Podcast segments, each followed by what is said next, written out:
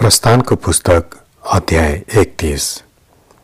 अनि परमप्रभुले मोसालाई भन्नुभयो हेर मैले यहुदाका कुलको हुरको नाति उरीको छोरो बसलेनलाई चुनेको छु। मैले त्यसलाई परमेश्वरका आत्माले र सिप दक्षता र सबै किसिमका कारिगरीको ज्ञानले परिपूर्ण पारेको छु।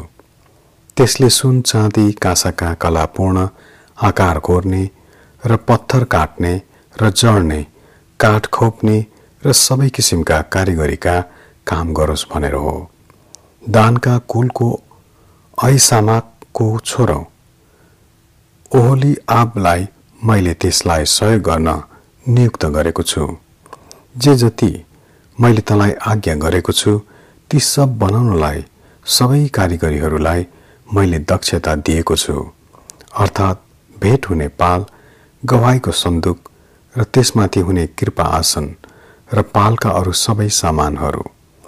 टेबल र त्यसका सामानहरू शुद्ध सुनको सामदान र त्यसका सबै सामान र धुपको बेदी होम बलिको बेदी र त्यसका सबै सामानहरू धुने बाटा र त्यसका खुट्टाहरू बुनेका पोसाकहरू हारुन पुजारीको निम्ति पवित्र पोसाकहरू र त्यसका छोराहरूका पुजारी पदमा सेवा गर्ने पोसाकहरू र पवित्र स्थानको निम्ति अभिषेक गर्ने तेल र सुगन्धित धूप तिनीहरूले बनाउन्।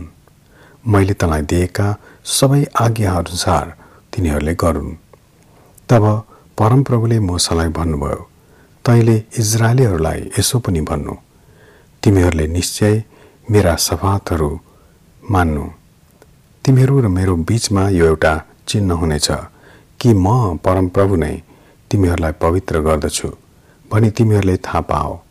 तिमीहरूले सबात मान्नु किनभने तिमीहरूका निम्ति त्यो पवित्र हो। त्यो अपवित्र गर्ने निश्चय नै मारियोस्।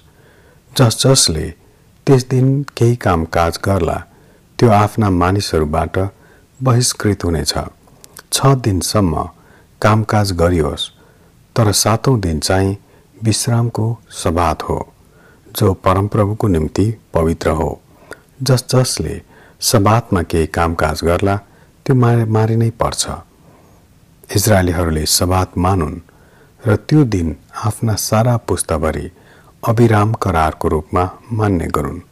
म र इजरायलीहरूका बीचमा त्यो सदाको निम्ति एउटा चिन्ह हुनेछ किनभने परमप्रभुले छ दिनमा आकाश र पृथ्वी बनाउनु भयो तर सातौँ दिनमा उहाँले काम छोडेर विश्राम गर्नुभयो।